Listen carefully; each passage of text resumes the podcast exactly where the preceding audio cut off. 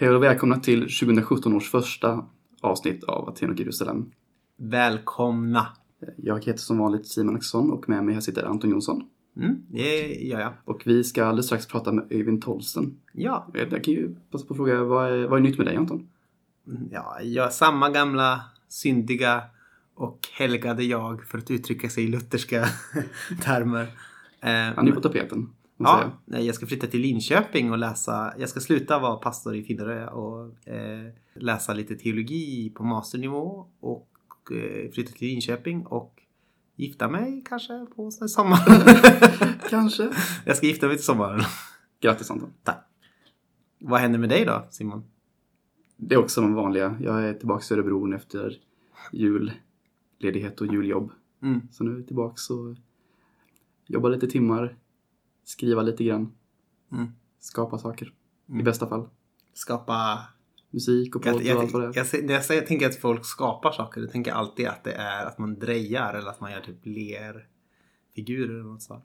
Skulle kunna vara. Ja. Jag hade en gammal, eh, jag- jag tog fram en gammal skål som, ju, som eh, Samuel gjorde till mig för nio år sedan. När vi, gjorde, när vi drejade. Samuel Åsberg. Ja. Kul! Hej? Samuel! Hej Samuel. Man skulle ta upp den, eh, den stafettpinnen igen. Ja, det kanske vore något. Jag tänker, Nej, jag, nej, jag jag, jag, ser Patrick Swayze i Ghost framför mig, du vet när de sitter Alla, där. alla gör det. Ja, Det kommer inte drejande. förlåt. Ja, det är ju en fin, vacker scen. Ja. I, Ikonisk. I- Och, no pun intended. oj! För då, det leder oss ju sömlöst in på dagens, eller månadens gäst, Öyvind Tolsen. Ja, det gör det. Vem är denna Öyvind Tolsen? Eivind Tolfsen är en, eh, ja, han jobbar på församlingsprogrammet på Evangeliska Frikyrkan. Eh, och det är alltså att man håller på med frågor som har att göra med församlingarna inom Evangeliska Frikyrkan. Eh, hjälper dem och stöttar dem på olika sätt. Eh, tillhandahåller resurser och så. Och han är, för att knyta an till det eh, Simon just sa, eh, lite av en ikonoklast. Alltså han gillar inte avbildningar av, eh, av Gud. Gud. Så det kommer vi prata om lite grann i avsnittet. Och vi kommer prata om förändringar som har skett i frikyrkan. För han är en statistiker av rang. Alltså han gillar att sammanställa statistik och eh, eh, eller jag vet inte om han gillar det, men han gör det i alla fall. Och ser på förändringar över tid. Jo, men jag tror han gillar det. Ja. Och visst är det nåd att det finns människor som gillar det? Ja, absolut. För jag känner ju ofta det att det, det är inte jag. Men det är ju, nej, desto roligare är det att ta del av resultatet. mm, absolut. Som vi ska få göra här nu. Eh, vi går väl in på det då. Ja. Eh, Simon topp tre eh, semesterresor? Nej. Det kommer efter snacket. Okej. Eller topp två kommer efter snacket. Ja, vi ses. Hej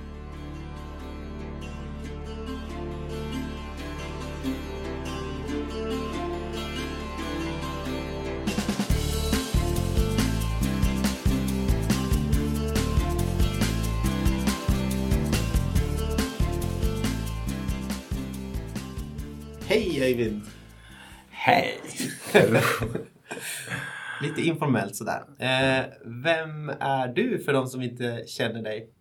Ja, eh, vem är jag? Jo, men jag, jag, eh, jag är en norrman bosatt i Sverige sedan 21 år. Ehm, eh, finns här i Örebro som vi sitter nu då, där jag jobbar på, med församlingsfrågor på Evangeliska Frikyrkan. Församlingsutveckling, möta pastorer och ledare i församlingsrörelsen. Ehm, ja, det är vad jag eh, gör till vardags. Så jag är gift, har eh, tre barn, gift mig med en svenska då. För, och det var jag 19, så vi har snart 20 år tror jag. Eh, och har tre barn då. Två tonåringar och en tioåring. Då. 13, 15, 10. Finns Ja, det några svensk-norska typ konflikter när man är gift med en svenska? Eh, konflikter, missförstånd kan det ju ibland Ja, Eh, Särskilt i början sådär. Jag kunde säga till min fru, åh, du är lite, du är rar sådär. Och då hör ju hon rar på svenska så tänker jag rar på norska så blir det lite rart. så. Eh, men, men det har ju rättat ut sig efter, efter åren så här. Men överlag så, så har vi väldigt mycket roligt eh, tillsammans. Just det, Eh, roligt betyder inte det lugnt på norska va? Ja, precis. Och Det vilket var är också en mycket, mer, vilket är Ja. mycket mer logiskt eh, på ett sätt. Jo, på något sätt. Det hör ju, ord med, eh, hör ju ihop med ordet ro, som Mm. Ju kanske kan indikera Ja, det. det är ju rimligt egentligen. Ja. Men de där språkförbistringarna kanske överbryggas nu med, med, eh, med, tack vare skam. Ja, precis. Tittar ni på Skam eller? Jo, jag, jag, jag har sett det. Jag sett Ja. allt. ja, min fru håller på att titta nu och det är faktiskt väldigt... eh, Som norrman blir man lite glad när, Ja. när svensk kultur eller svensk eh, media fångar upp eh, vad, som, vad som händer i Norge. Det är inte, det, Ja. vi, jag tror att det har varit mer åt andra hållet. Ja, liksom. vi brukar ofta inte bry oss så mycket om Norge. Det där är lite tyvärr. jobbigt Ja. för oss norrmän. Ja. Ni bara tycker att det är jobbigt när vi slår er i skidor och så, och så fångar ni inte upp musikliv och kulturliv så mycket. Kanske mycket litteratur kanske har varit mera, men inte så mycket tv och... eh, Vad heter de andra norrmännen? De var ju roliga som alla tyckte om i Sverige. Eh, Ja, eh, Ylvis. ja de, Ylvis, de var ju de, absolut. Men jag, jag, kan, jag kan ju vifta på två stycken så när jag flaggor för min del. Dels har jag, också, jag har jag lyssnat på rätt så mycket norsk musik sen jag var Okej, tonåring.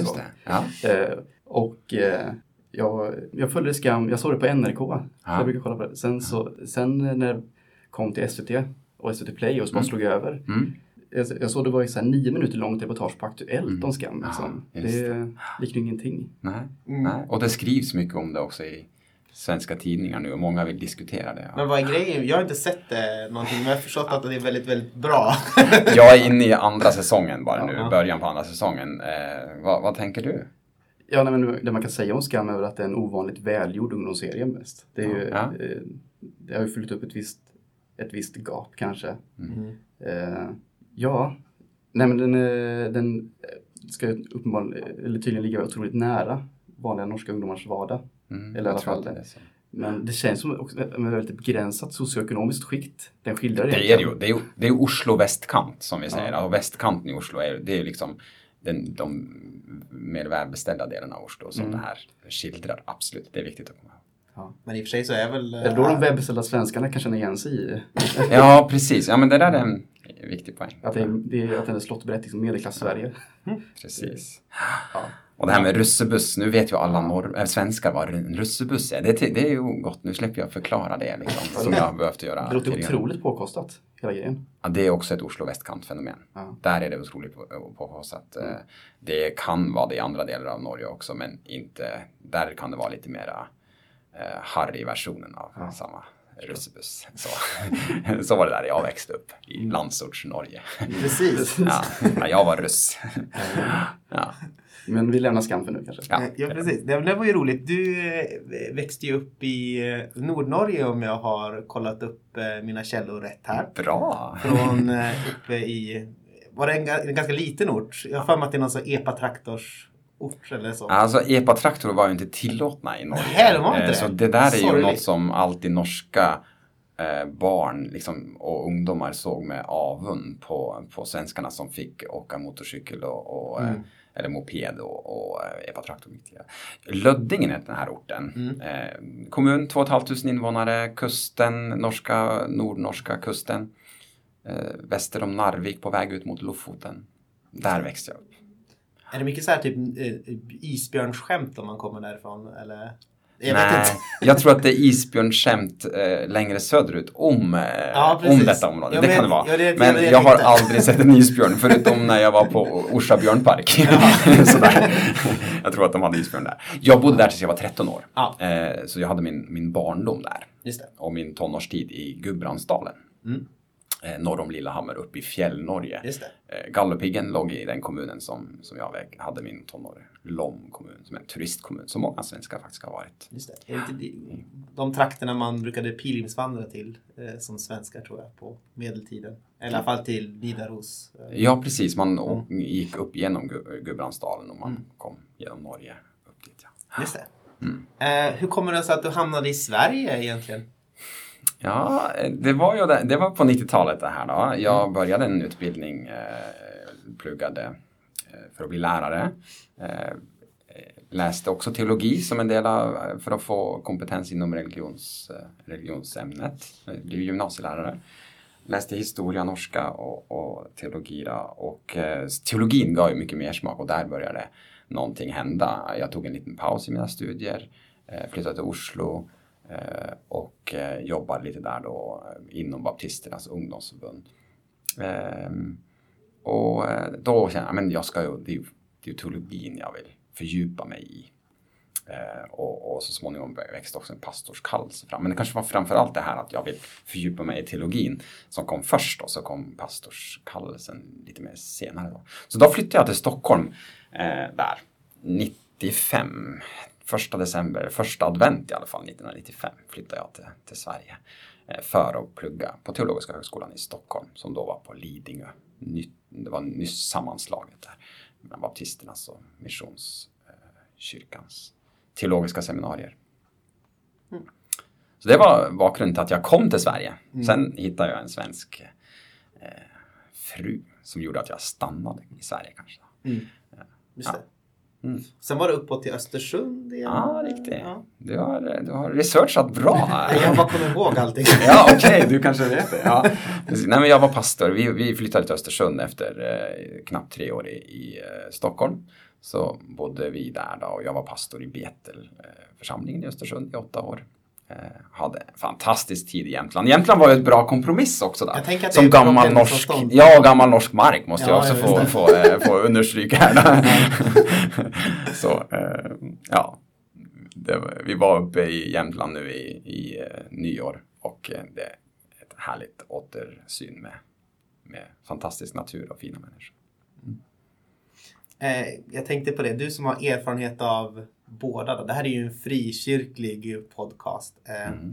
Varför är det för skillnad mellan frikyrkorörelsen i Norge och i Sverige? Ja, alltså det, när jag flyttade till Sverige för att plugga i Sverige så var det egentligen för att jag hade läst då ett år teologi på Missionshögskolan i Stavanger som nu heter något annat men finns kvar då. Som är en, en institution eh, inom, eh, som är mycket liknar Örebro Missionsskola Eh, i sin profil som en missionsinriktad eh, institution. Men, men den är på Luthers grund och, och egentligen är, var då på 90-talet väldigt mycket av utbildningsalternativen inom teologi om man ville fördjupa sig var väldigt mycket utifrån ett Luthers perspektiv. Och eh, det var spännande men jag ville, ville ännu hellre läsa utifrån en mera frikyrklig, bredare teologisk var så. Och, och, då tänkte jag, men Sverige det är ju frikyrkans hemland i Europa. så jag flyttade till Sverige eh, för att komma till ett lite större frikyrkligt miljö där det fanns också bra utbildningar och jag kunde få min teolkand också, vilket eh, bara THS hade på den tiden, då, de frikyrkliga eh, utbildningarna. Skillnaderna mellan Norge och Sverige bottnar ju mycket i att de väckelser som på 1800-talet blev eh, frikyrkliga väckelser på olika sätt i, i, i Sverige blev i väldigt stor utsträckning inomkyrkliga väckelser i Norge. Eh, Norska kyrkan på så sätt har ju en mera en mera en mellanting mellan frikyrkan och Svenska kyrkan i Sverige. Eh, jag växte upp i Norska kyrkan uppe i Nordnorge. Min barndom var ju i, inom Norska kyrkan. Eh, och vi åkte på församlingshelg och vi hade, man har mera ett dubbelt församlingsbegrepp i Norge. Mm. Där man både har det, i den norska kyrkan då, både har det så att säga territorialförsamlingen, alltså de som bor i Löddingen socken som var, mm. var socknet uppe i Nordnorge där. Men också de som regelbundet kommer till kyrkan och som utgör församlingen i den mera eh, mindre bemärkelsen eller mera, ja, som mer liknar bekännelse församlingens modell i Sverige. Eh, så det, en, en, så det gör att frikyrkan är mycket mindre i Norge. Mm. Eh, pingströrelsen är ju stor med 30, drygt 30 000 medlemmar om jag förstår det rätt. Så det är ju med hälften så stor befolkning så skulle det motsvara ungefär kyrkans storlek i, i Sverige. Eh, Medan Missionsförbundet, Baptistsamfundet, eh, Fria Evangeliska Vänner som är någons egen variant mm. är de andra större. Då. Frälsningsarmén finns också. Eh, men de är, de är inte stora. Eh, och frikyrkan i Norge är ju betydligt mindre än i Sverige. Mm. Du har ju sammanställt den här rapporten då, som heter Frikyrkokartan ritas om. Ja. Vad är det ni har kommit fram till i, i den? Det här är Sverige då ska vi betyda. Det, det är Sverige, ja det är lite roligt som, som norrman att undersöka vad som händer i, i, i Sverige. Ja, och jag är ju, jag, jag känner mig ju med, väldigt hemma i Sverige som en del av svensk, svenskheten i mycket. Jag hoppas inte mina syskon hör det här för de blir lite upprörda när jag säger det. Men, men, eh, nej, men det som jag kommer fram till eh, är ju, eh, jag har mätt då utvecklingen i femårsintervaller från 2000, sista december då, 2000, 2005, 10 och nu senast 2015. Och frikyrkan har ju minskat från drygt 242 000 till att eh, vara cirka 224 000 medlemmar. Eh, men det intressanta är att de sista fem åren så har faktiskt inte frikyrkan minskat eh, nämnvärt, ja, med 0,1 procent eller 100, 150. Fast jag har nog säkert missat några fria församlingar också. Så, så, så det, det är nog en... Eh, så minskningen har stannat av. Mm. Det, men den, den, den minskningen som sker i de traditionella frikyrkorna eller kyrkosamfunden, eh, frikyrkosamfunden, de, den, den vägs upp numera av växten i den Eh, så att säga icke-samfundsanknutna frikyrkan och i synnerhet då inom eh, migrant, eh, bland migrantförsamlingar som, som ju växer i antal ganska så starkt. Både i antal församlingar och i antal medlemmar. Som då väger upp för minskningen som har fortsatt inom de klassiska samfunden. Även om den också där avtar, minskningen avtar inom den traditionella frikyrkan.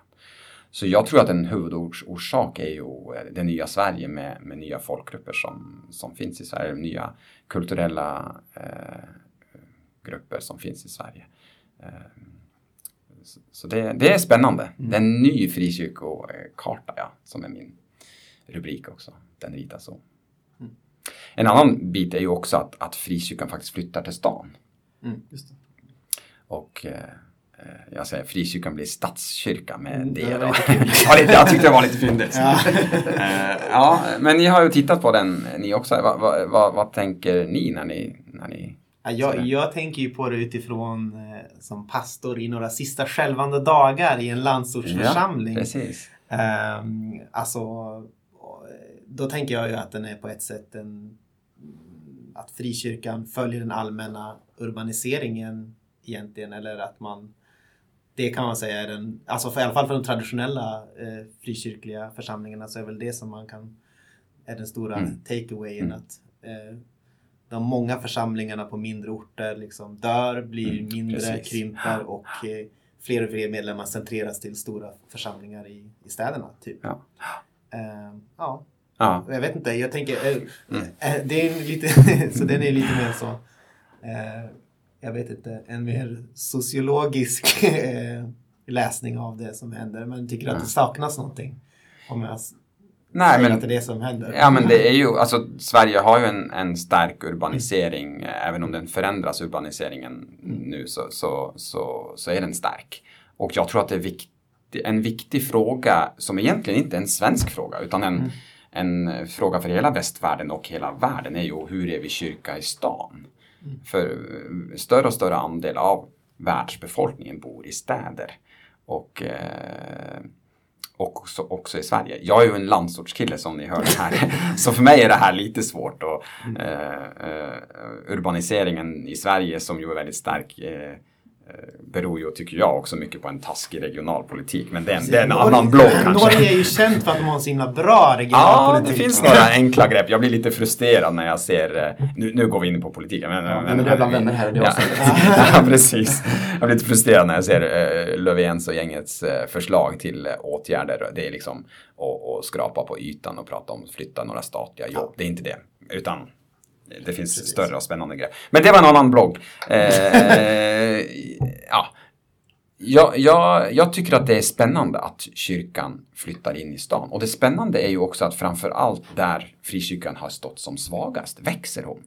Mm. Eh, och det är, det är ett väldigt påfallande mönster skulle jag vilja påstå. Att i Mälardalslänen och, och Skåne och storstäderna Malmö, Göteborg och Stockholm så växer frikyrkan mer än befolkningen också mm. i flera av de här länen.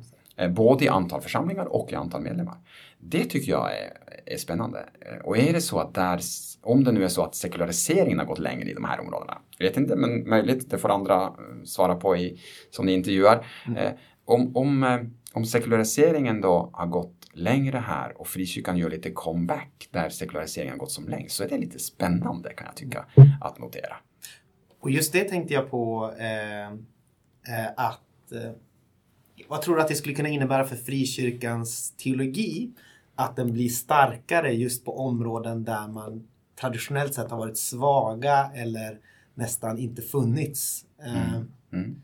Jag, jag, ser det framför mig som en positiv grej att man kan bli av med lite, alltså att man kanske inte har samma, uh, vad heter det, ballast uh, mm. Mm. av onödiga idéer och så mm. i, i de här regionerna. Och kanske det skulle kunna bidra positivt till en teologisk reflektion i frikyrkan. Men vad tänker ja, du? Jo, jag, ja, men jag tror att du är inne på någonting. Jag tror att det, det är viktigt att och se att kanske diskussioner, det märker jag, jag reser ju runt och träffar församlingar väldigt, liksom det är min vardag och, mm. och, och, jag har besökt ett antal frikyrkoförsamlingsledningar genom åren och församlingar så här på olika sätt. Och jag tror att det är lite olika samtal som pågår i Örebro och Jönköping eh, och, och, andra sådana typer av län jämfört med samtalen som, som pågår i Stockholm, Västerås, eh, till exempel, eller, eller Malmö och Skåne. Alltså det, det är andra dis diskussioner och andra frågor man lever med. Mm. Där, där eh, eh jag tror att de frågorna man i Örebro kanske har nu hade man tidigare i, i Stockholm eh, till exempel. Då. Eh, men kanske inte självklart finns kvar där. Eh, och Stockholms, de här mm, delarna tror jag kanske lever i en spännande missionsteologisk sits liksom, som, som de håller på att ta sig an nu. Och det, det, det tycker jag är hoppingivande. Man, om du skulle liksom göra en grov generell sammanfattning då, vad pratar man om i Jönköping? Om man i Stockholm har med den här lite missionsteologiska... Jag tror att man fortfarande bearbetar, och det är bra, bearbetar i, i Jönköping och Örebro och så här, hur, ja men alla som har lämnat frikyrkan. Mm, det. Den, det är ju en viktig fråga att bearbeta. Det är inte en, en stor fråga för en, för, för, inom, nu har jag bäst överblick över EFK, men i EFK-sammanhang och jag tror också i andra sammanhang så är inte det en fråga eh, självklart i, i de mera, ja men i Stockholm om man tar det som exempel. Eh, så, utan där är det mera den missionsteologiska utmaningen och man ser också flera människor komma till tro. Det, det kommer tre gånger så många till tro i, i Stockholms län som i Jönköpings och Örebro län om vi tittar på antalet döpta per hundra medlemmar om man gör en sån här sammanställning. Det är ganska intressant. Eh, så. Och då, då lever man i andra utmaningar. Eh, verkligen. Eh, Husby frikyrkoförsamling som har fått ta emot, se väldigt många komma till tro från annan kulturell bakgrund. Då, där, inte, där pratar man inte om ja, men hur stoppar vi flykten från frikyrkan bland 40-åringarna eh, till exempel. Vilket är viktigt att prata om i andra delar. Men det är inte en aktuell fråga där. Där är det mera, okej, okay, hur ser lärjungaskap ut? Hur formas det på sikt? Eh, i, i, en god församlingsmiljö för människor som faktiskt har lämnat ett eh, en, en livsåskådning och en religion eh, till fördel för, för den kristna tron och bekännelsen av Jesus som Herre i sitt liv. Mm. Just det. Mm. Vi var inne på det lite grann. Eh, du är ju från en mindre ort i Nordnorge. Eh, och du har flyttat till en större ort i Sverige. På ett sätt så kan man säga att din personliga resa på ett sätt speglar frikyrkans resa. kan jag tänka. Okej, okay, ja. ja. ja. Uh, Utveckla. Nej, jag tänker bara att du har gjort samma geografiska resa. Eh, ja, som, just det. Just det. Eh, ungefär. För, förutom att du då flyttar, mm. korsar en landsgräns. Eh, mm, mm, jag förstår. ja. Eh, och, så vad skulle du säga, vad känner du personligen när du tittar liksom på eh, omdragningen av frikyrkans linjer och omritningen av kartan? Så. Ja, det, det, är en del i mig som säger så här, ja nu får vi inte glömma landsorten. Mm. Den, den ligger väldigt starkt hos mig och jag är gärn, möter ju också väldigt många landsortsförsamlingar och tror att de är oerhört viktiga. Och det är viktigt att inte dra isär stad och land. Det tror jag är en av de stora utmaningarna för att hålla ihop Sverige i framtiden. Så. Eh, och, och, det gäller också inom kyrkan. För, för väldigt mycket av växten i stan eh, handlar om egentligen växt som har skett på landsorten.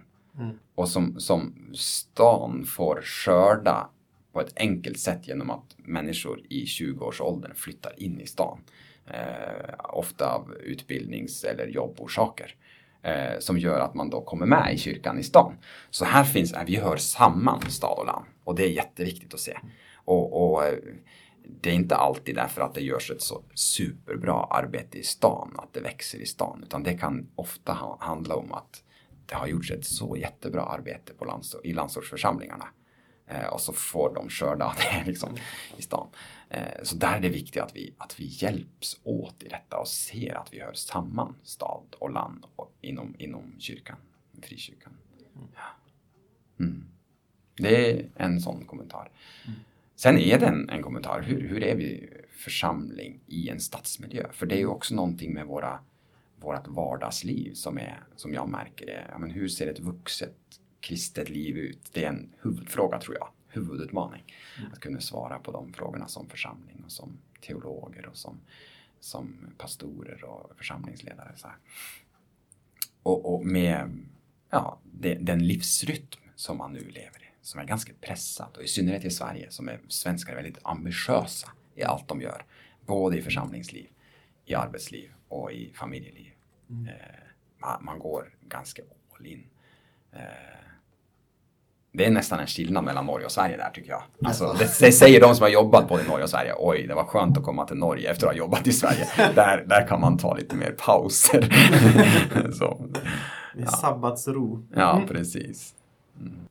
Men samma, man skulle också kunna tänka sig så eh, att landsbygdsförsamlingar i vissa fall skulle kunna ta sig an det som rent teologiskt så att vi utgjuter vårt liv som ett offer för att andra ska få leva ja, i städerna också. Jättebra. Eh, ja, kanske. Absolut. Och, och de här eh Ja, bra. Mycket bra. Absolut. Och, och, den här, det där tror jag är en attitydförändring som, som behöver ske att, eh, överlag. Mm. Alltså det, det, här att Gud faktiskt har sänt sin son. Att Gud att det är saligare att ge än att eh, få. Alltså de här bitarna, att det här utflödet ur Guds, eh, av Guds kärlek och Guds nåd. Och, och också att vi lever också i det utflödet där vi, där vi verkligen finner vår glädje i att utgjuta oss själva. Det är ju missionens grund, tänker jag. Mm. Och det bottnar i vem Gud är. Eh, och den behöver landsortsförsamlingar ha, ja, men den behöver också stats, stadsförsamlingar ha. Och den behöver ju alla som församlingar ha i relation till andra församlingar, men också i relation till, till, eh, till samhället också, till människor som behöver behöver oss. Eh, det är lätt att säga men det, kan, det är en, mm. en, utmaning att leva, tycker jag själv personligen. Väldigt sådär. Det, det ja, låter verkligen. fint men det, det är hårt eh, arbete liksom. också i det. Eller, eller vad man ska säga. Ja. Det är en livshållning som måste födas av Guds ande i våra liv. Då går vi över till ikonoklastspåret. Oj, oj, oj. Nu hittade du det. Ja. Det var en bra övergång. Ja, precis. Jag kommer inte hitta någon. Jag har gjort så smidiga övergångar fram tills nu, men jag kunde inte riktigt hitta någon. Nej. Eller jag vet inte om de var Hur hamnar vi här, jag in, Anton? Jag inbillar mig att de var smidiga. Vi kan ja. försöka göra en, en vignett. En ikon, vad ska man säga, clashljud när man tar sönder bilder eller något. Ja, just det.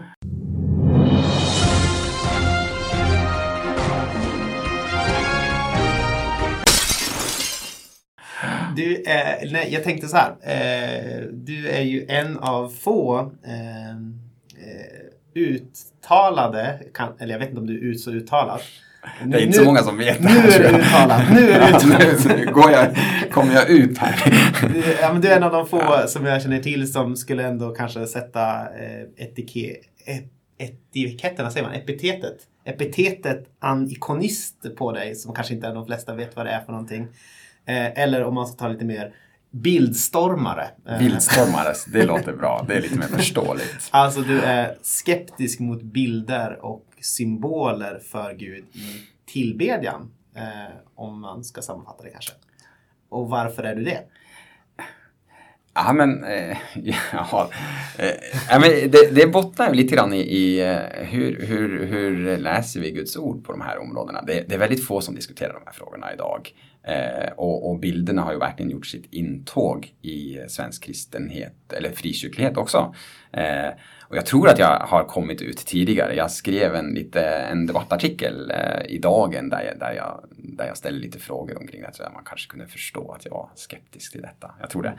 Eh, nej men alltså jag, jag, jag, jobbade med bildförbudet i Gamla Testamentet när jag, när jag pluggade och skrev min, min uppsats där på kandidatnivå. Eh, om bildförbudet i, i Moseböckerna. Hur ska vi förstå det? Och, och, och, eh, och det är ju ett av de buden som vi gömmer lite grann i, i budlistan. Men det är ju ett av budorden i, i, eh, som Moses tar emot. Du ska inte göra dig någon avbild av, av eh, mig, av Gud. Så. Och det är en ganska fundamental eh, fråga är min, mitt påstående i min uppsats när jag studerar den. En ganska, får en ganska tydlig plats eh, Eh, och ges ganska mycket vikt när man tittar och gör en slags retorisk analys av, av budorden och av de texterna som, som det här bildförbudet, det återkommer ett antal gånger i, i Moseböckerna. Eh, så det verkar vara viktigt för Gud att faktiskt säga detta. Och vad vill han ha sagt med det? Det har jag försökt att jobba lite med. Och så är ju den stora frågan, upphävs detta? I och med julen, så att säga, när, när Gud blir människa eh, och visar sitt ansikte för människorna genom Jesus Kristus. Betyder det då att det är upphävt? Eh, och jag har inte sett några goda argument för att det skulle upphävas i och med Kristus. Men jag har inte jobbat lika mycket med den frågan. Jag har ju mer jobbat med den gammaltestamentliga frågan. Hur ska vi förstå bildförbudet? Eh, så, eh, jag är inte bildstormare på det sättet att jag inte har någon, någon inte tål att se en bild av Jesus och sådär. Men jag fascineras av judisk kristna som, som, eh, som är väldigt noggrann. Om de ritar en skickelse, som ska, eller en alltså gestalt som ska, som, som ska eh, vara Jesus i, i konsten så, så målar man inte hans ansikte. Eh, till exempel, det har jag sett några göra på det sättet. Eh, om man överhuvudtaget avbilder Kristus. Eh, jag har sett eh, söndagsskolaffischer som jag tycker är fantastiska och sådär. Så det är, inte, det är inte på den nivån. Men det, vi behöver jobba med de här frågorna, tror jag. Eh. Mm. Det här förbudet mot att avbilda Gud har oftast kopplats till Guds svartsjuka. Ja, just det. Och vad, vad, Gud, vad har svartsjuka med bilder att göra? Och hur kan man förstå svartsjuka idag? Ja.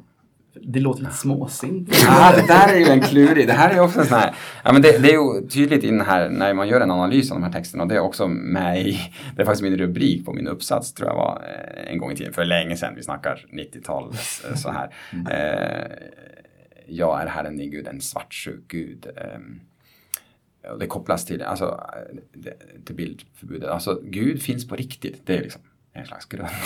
Och mm. till skillnad från, från de här avbilderna som, som man gjorde. Eh, som liksom skulle, nu har jag skapat Gud, så är det Gud som är skaparen. Eh, och när han vill ha vår eh, uppmärksamhet, han, han, han, älskar oss och han söker efter frågan älskar ni mig? Vill, eh, vill ni leva i förbund med mig? Det är ju en, en grundläggande tema genom hela Bibeln. Eh, och, och, och den kärleken kan också ta sig uttryck i när den då från människans sida riktas mot, mot, mot andra så, så blir Gud eh, svartsjuk. eh, ja, det, det, kan man ju jobba vidare med. Så jag har inte, jag tycker den, den, den är inte, men det, det bottnar i Guds enorma kärlek. Om den då inte besvaras så är han också som vi. Vi är Guds avbild och vi känner då att eh, då blir jag svartsjuk på den som hade lovat mig sin trohet som nu blir otrogen genom att rikta sin Guds eh, eller sin, sin, eh, sin dyrkan eh, till, till ett objekt till exempel som, som ju inte är Gud. Det är liksom en slags fundamental grej. Ja, men de här avbilderna, de, de, det är omöjligt att det är mig de representerar. För jag låter mig inte avbildas. Jesaja-texterna är väldigt mustiga omkring detta. Mm. Och, och säga, det, det, det är omöjligt att avbilda mig. Eh, det är ju jag som har gjort er. Eh, det är ju jag som lyfter er, säger, säger eh, Gud till, till Jesaja. Ni, ni tar era gudabilder och gör dem och så lyfter ni dem upp. Men, men för mig är det tvärtom. Det är ju jag som lyfter och bär er. Så, ja. Jag tänker på det i, i, i femte Mosebok eller så är det ju förbudet just det kopplat mot att Gud inte låter sig avbildas. Han har inte uppenbarat någon gestalt utan när han uppenbarar sig för Mose i, på Horeb så är det eh, i eld och utan gestalt. Ingenting man kan Mm, se. Nej, precis. Och då, du har ju redan varit inne på det. Eh, nu har ju Jesus uppenbarat sig i Mm. Jesus som är den osynlige Gudens avbild. Mm. Eh, så borde det inte då vara okej att avbilda Jesus eftersom Gud har Ja, liksom låtit sig avbildas och fått form i Jesus. Mm. När du gör, alltså titta på de bilderna som görs. Vad händer när någon avbildar Jesus? Eh, Vi hade ju eh,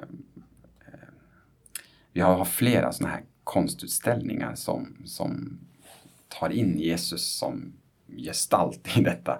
Och vi har mycket gestaltning av Jesus och då formar de våran bild av Gud. Problemet är att det är da Vincis, eller vad heter hon, Elisabeth eh, Olsson? eh, Wallin. Val, Val, ja, Elisabeth. Olsson Wallin. Elisabeth Olsson Wallin. Eh, och då är det hennes bild. Alltså det, även om det kan bottna i bibelberättelser och sådär. Så, så, så är det någonting som händer när vi avbildar. Vi, vi ger det till exempel, vi ger Jesus ljust hår. Eh, så att den passar med, med oss som sitter här. Eller med, med, vi, vi skapar Gud då i vår bild. Så som vi önskar att Jesus skulle vara. Och det är ganska påfallande att se hur Jesus då liknar oss. Fast det är inte därför att vi är hans avbild utan därför att han nu har blivit vår avbildning. Och det, det händer någonting i det som jag tror är eh, som, som jag tror är egentligen inte är Guds, Guds vilja och jag tror att Gud har, har sett att när det här händer så blir det tvärtom. Eh, och den avbildning som ska vara av av Gud och av Kristus, det är församlingen, tänker jag. Eh, och nu jobbar jag med församlingsfrågor och jag brinner för församlingen och det tänker jag, det, det är där Gud ska visa sitt ansikte. Och det, det är så jag förstår Nya Testamentet. Kristi kropp är församlingen. Det är, på, det, det är Guds ande som fyller eh, församlingen. Eh, och, och, och där lever vi ute och där ser människorna Kristus förhoppningsvis när en församling eh, är fylld av Guds ande och lever i trohet mot, mot Kristus. Intressant, vi pratade med Anna Enberg om det någon gång. Eh, just det att eh, man kan ju se den rörelsen att när kristendomen får mer och mer politiskt inflytande så blir också Jesus mer och mer en kejsare eh, Mm, i, i avbildningarna. Alltså från 300-talet så Mm. blir han väldigt eh, kejserlig på något sätt. Ja. Ja, så det är väl bara det att det, liksom, det blir en sån glidning över till det vi tillber Mm. eh, hos andra människor. Kanske snarare än att det blir eh, Mm. den som Jesus har uppen, eller som Gud har uppenbarat sig som. Och så får vi väldigt lätt sentimentala förhållningssätt till de här avbilderna.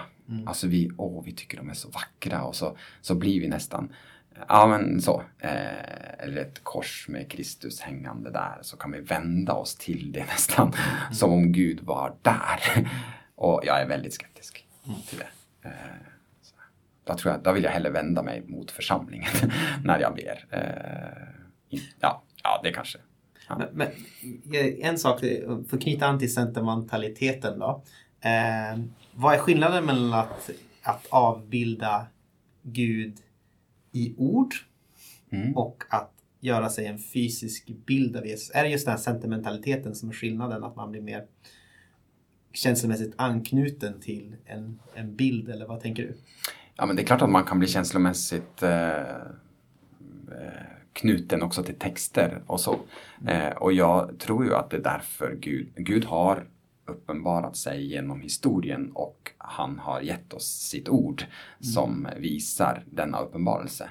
Och därför så tror jag att våra bilder, för vi har ju alltid bilder, alltså eh, då tänker jag på alltså, svar på vem är Gud? Eh, det, det formas ju, det ska formas, det är jätteviktigt.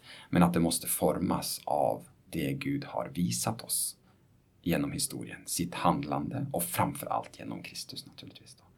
Och det är genom att eh, söka ordet och låta ordet tränga in eh, som jag tänker att bilden av, av Gud, bilden av Kristus eh, eh formas i, i mig. Eh, och det ska vi vittna om för andra också. Och vi ska ta emot de vittnesbörden. Men de får, får inte bli liksom eh, det får vara Kristus, summan av allt det här som, som bottnar i ordet, då, som, som blir, får forma vår bild av Kristus. Mm. Ja. Tänker du då mer att eh, eh, eh, hur, hur, tänker du då som, som att eh, vi läser ordet och så sen så avtäcks någonting i oss mm. själva, alltså mm. en, eh, av bilden som Gud har lagt i oss. Eh, och eh, det levs ut eller det formar oss till, det formar oss till ja. Kristi avbild. Är det ungefär ja, men, så det tror jag, du tänker? Absolut. Ja. ja, och jag tror att vi alla, nu ser vi som i en spegel, mm. då ska vi se ansikte mot ansikte. Mm. Eh, liksom, vi, vi ser inte Gud på riktigt nu och vi skulle ju kanske inte kunna göra det och fortfarande leva om man eh, så. Eh, och, och ehm, jag eh, tänker att det som är, vi måste vara medvetna om att det är en spegel. Att det, det, speglarna på den tiden var inte lika som idag heller. Så alltså det, vi ser lite diffusare idag. Eh, och vi ser delar. Och jag kan ju märka att jag kan ta till mig delar av, av Kristusbilden lättare än andra.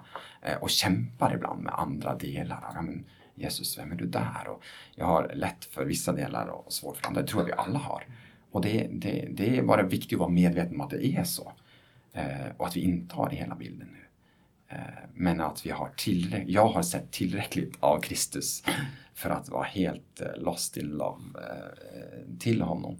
Eh, så. Men i en relation så är det också så att man upptäcker nya sidor och, och bilden blir större. Precis som bilden av Marit, eh, min fru, också ändras genom åren och jag förstår mera. Och, och kärleken fördjupas och förändras och, och bilden av henne kompletteras. Så, ja. Det finns ett visst politiskt drag i annikonismen, att den, skulle vara mer, att den är mer demokratisk. Eh, du hintar lite i det i uppsatsen där. Kan du berätta om det? Ja, alltså demokratisk eller, eller eh, mera bygger på en mera egalitär struktur, alltså eh, jämbördigheten blir... Det, det som, det, Bryggerman är lite inne på de här tankarna, nu, nu var det ett tag sedan jag skrev det här, så, så, och Bryggerman har skrivit mycket sedan dess. Walter Bryggeman, en gammaltestamentlig teolog som, som, som är en av få som faktiskt skriver en hel del om det här.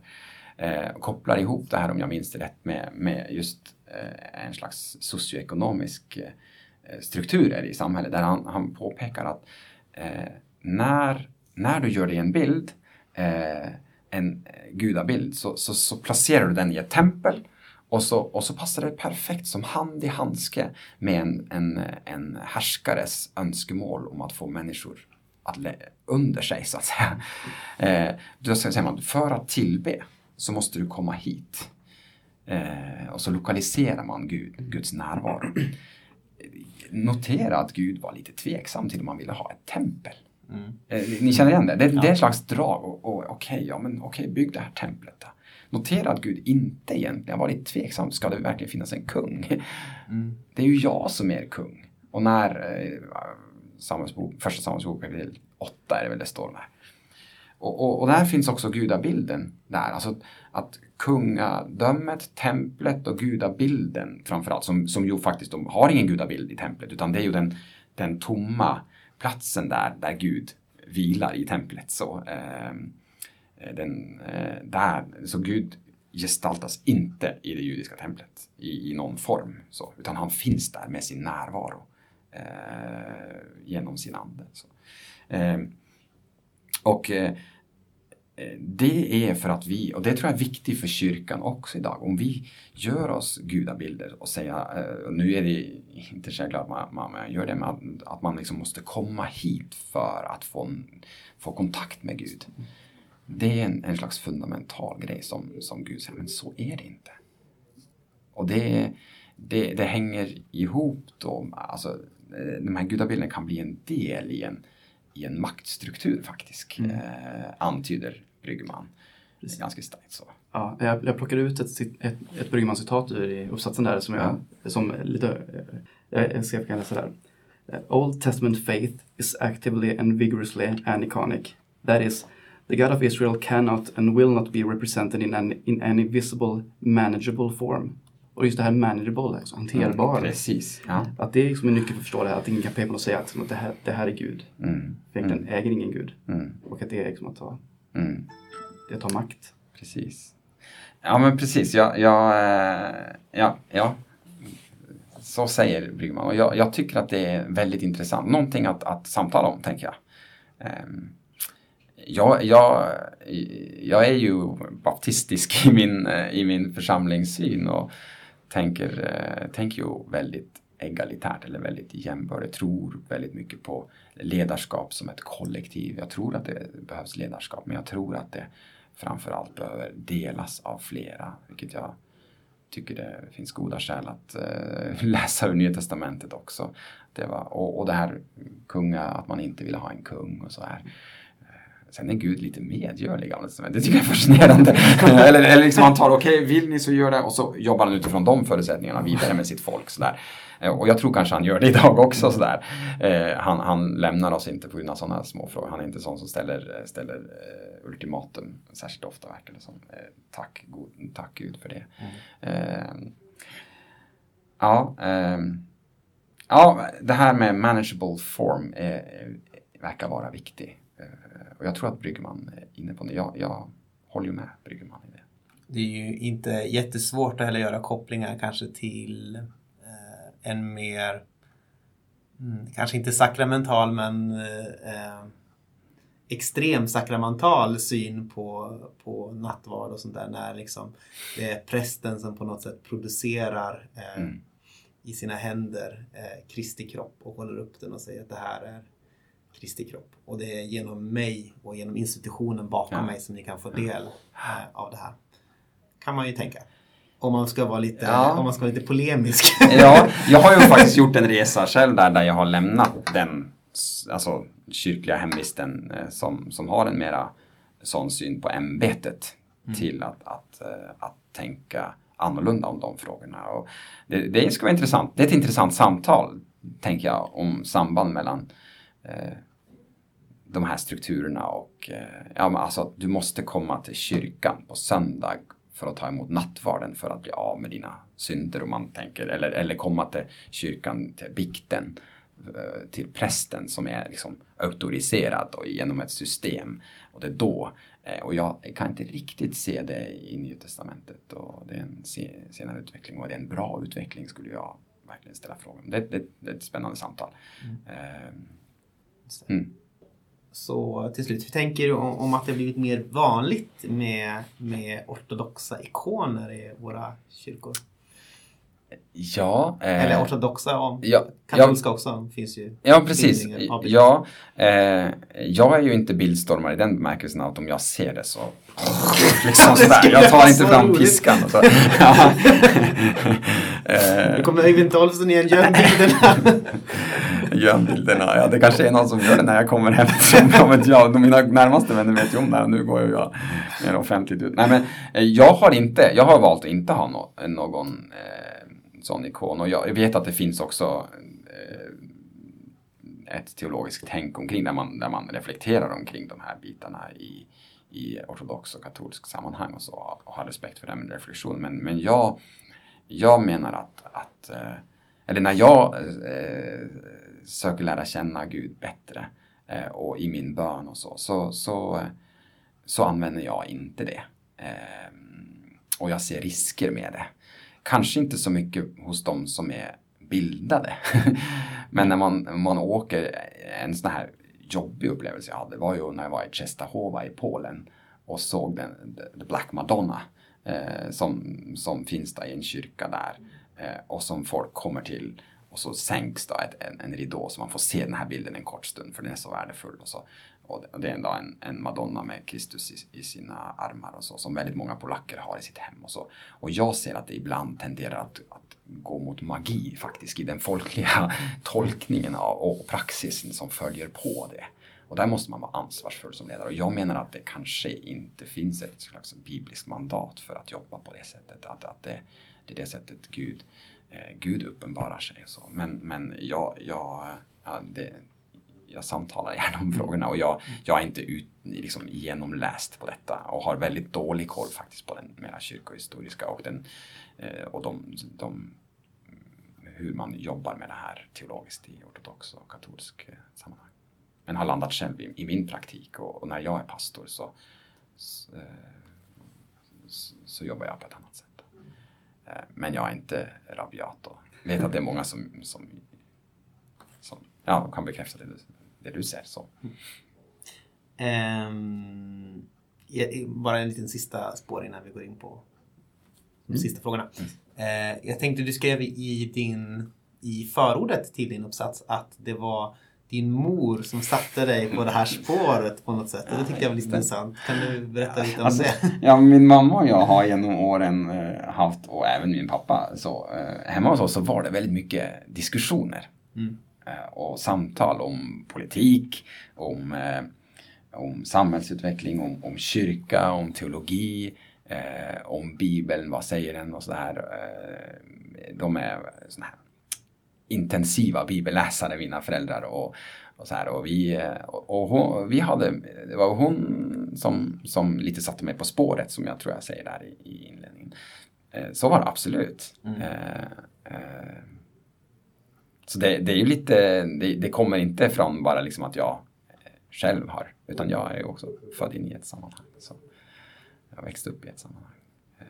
Men, ja, men sen vet jag inte så många andra som reflekterar omkring det. Ja, det är få som jag, men några personer har jag mött som, liksom, som också har reflekterat åt det här hållet. Det tycker jag var väldigt fascinerande och roligt.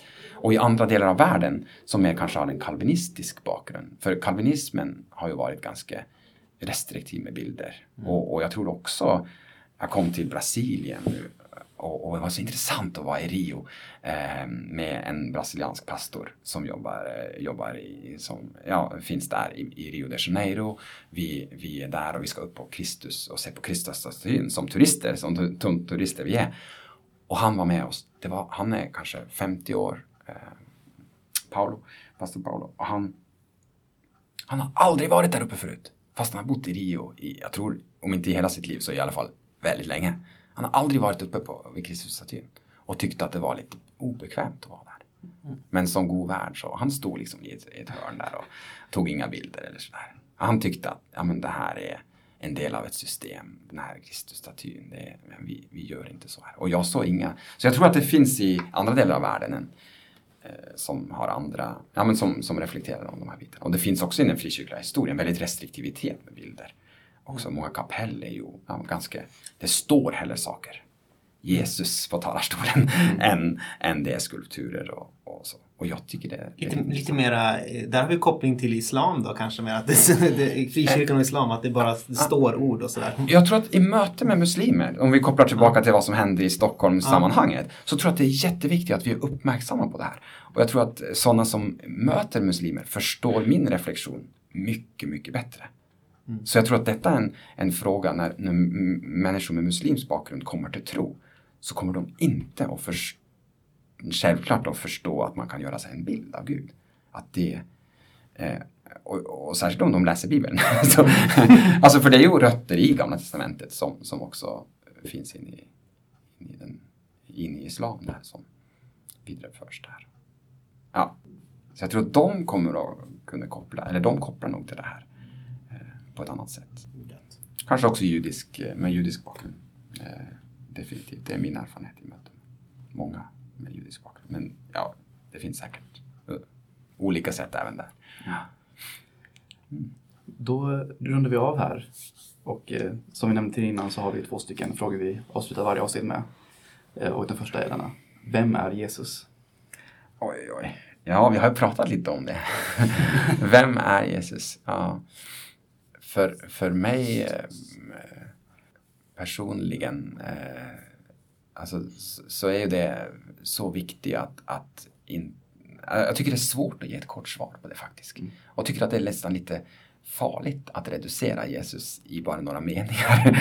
men, men eh, Jesus är ju framförallt min, eh, min, eh, min stora kärlek i livet. Eh, som, som eh, har kommit mig till räddning som gör att jag eh, eh, Ehm, att jag kan ehm, både, både det att, att han, han står ut med mig och, och eh, en sak är att jag bekänner Jesus men att, att, att Jesus bekänner sig till mig vilket jag börjar liksom inse, ja, men det, jag kan nog vila i det att han, han bekänner sig till mig eller han säger att ja men du är min. Det är för mig den stora grejen. Alltså ja, men, för jag vet, vem, jag vet lite mer nu som 46-åring vem jag är och tänker att oj gud. Det är fantastiskt detta att du vill, du vill mig, vill vara med mig och att du också vill utmana mig att gå, gå din väg och gå och vara med i, ditt, i det eh, du gör i ditt rike. Det, det är det stora i detta. Ja, Vi kommer tillbaka till det här igen, liksom att alla våra bilder kommer till korta. Ja, men de gör det. Ja. Så.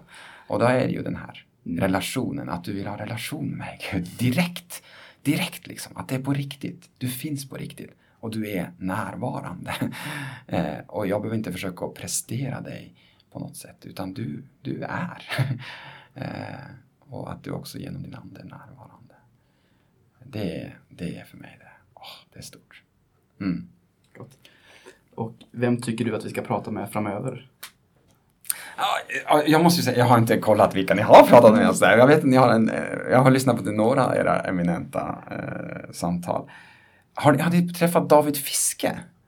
Nej. Eh, ja, jag vet ju vem det är. Du vet, ja, Ja. han, är, han tycker jag är en spännande ny ung eh, pastor. Ja, eh, jag väl, nej, men han är väl fortfarande ung, jag försöker då tänka, ja, jag vet hur länge man är ung. Men han, är- han är, jag tycker han är spännande. Och han lever i en församling i Lindesberg som jag tänker, det, en, en, eh, jag skulle gärna lyssna på en intervju med er eh, och, som ni har med honom, David Fiske. That's Från. Örnsköldsvik också. Ja, han är från Övik, ja. Ja, Desto precis. bättre. Norrlänningar gillar vi. Vet du. Precis. Det är bra. ja, Ja, men då, så, då får vi tacka så jättemycket för att du tog dig tid att prata med oss. det är gott att möta er.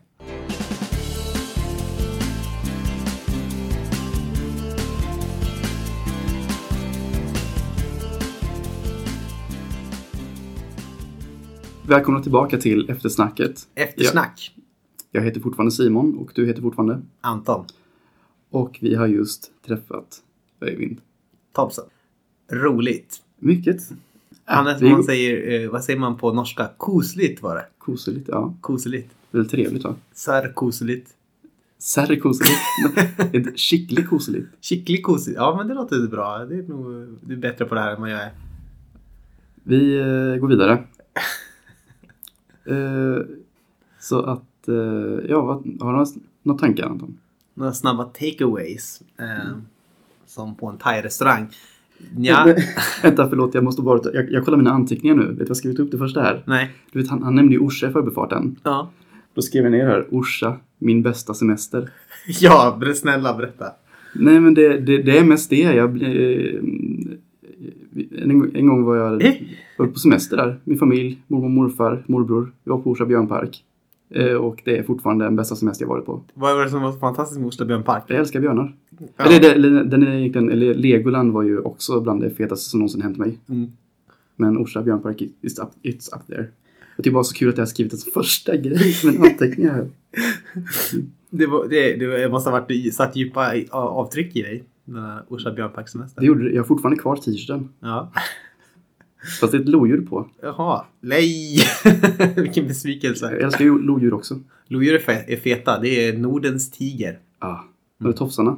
Ja, verkligen så snygga. Får inte nog av dem. Alltså, jag tänker ofta att vi undervärderar våra vackra djur i, som vi har i Sverige och i skandinaviska halvön. Verkligen. Rådjur, Ja, kom igen. kom Hur, igen. hur fin är de inte? Åh, så bra. Och, igelkott. Ja. Så bra. Så fint djur. Jag blir så glad varje gång jag ser en igelkott. Fast jag såg en bild i förrgår på en igelkott som har tappat alla taggar och allt hår. Ja, just det. Det ser ut som en... inte vackert. Ja, vissa säger att det ser ut som en testikel med ögon. Varsågod för den bilden, alla lyssnare. Okej, tillbaks till... Eh, till det faktiska ämnet i- som inte är Orsa björnbark. jag tycker att det, jag, eh, jag, ty, jag, vi har tagit upp det lite grann med, med bild, eh, bilder av Gud och Jesus eh, tidigare. Eh, till exempel Anna Enberg så pratade vi lite kort om det, hur man avbildar, det nämnde jag ju här i avsnittet också, eh, hur man avbildar Jesus mer och mer likt en kejsare.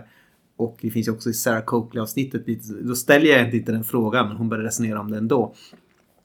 Och hennes stora grej är ju att hon kollar på olika avbildningar av treenigheten och hur man liksom förstärker den sociala ordningen genom hur man framställer treenigheten i sin eviga upphöjda form. Så, och då blir det ofta i form av män då, eh, kanske tre män. Och sen helig ande blir ofta förflyttad till marginalen. Så.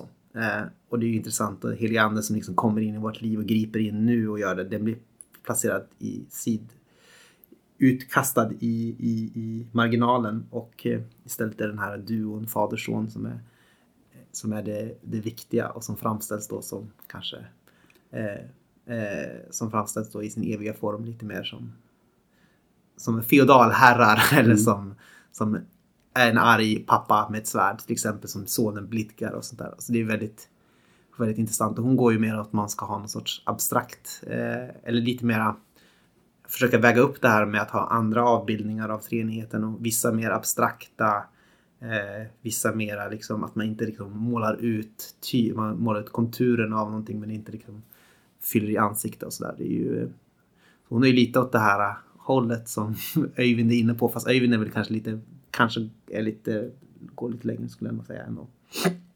Eller lite mer skeptisk över total eh, överlag över avbildningen. Ja, möjligt. Men eh, det blir också väldigt slående när vi, eller när eh, jag läste den här uppsatsen och bara Mm.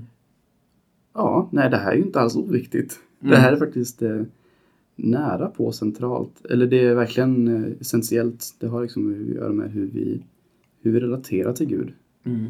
Verkligen och eh, man kan ju tycka att det här är ju, har ju blivit ganska mycket ett, eh, ett ämne som man inte pratar så mycket om kanske.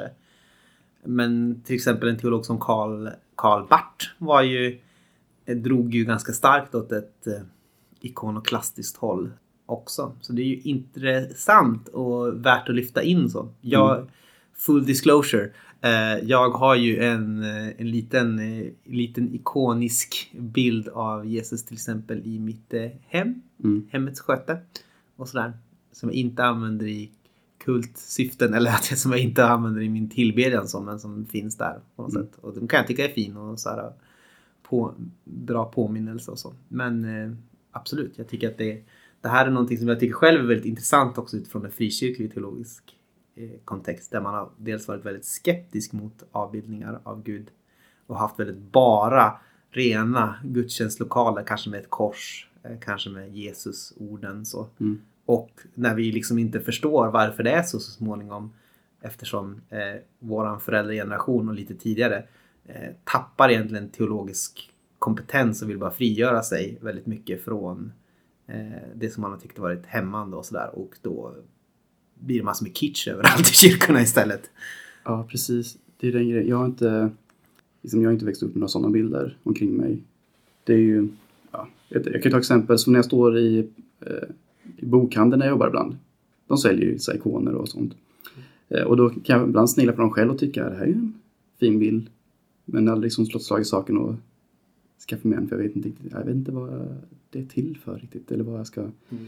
Och inte minst liksom när, när det är kunder som pekar på de här och vill kolla på dem bara, ja, det, Jaha, titta har du sett så fina de är.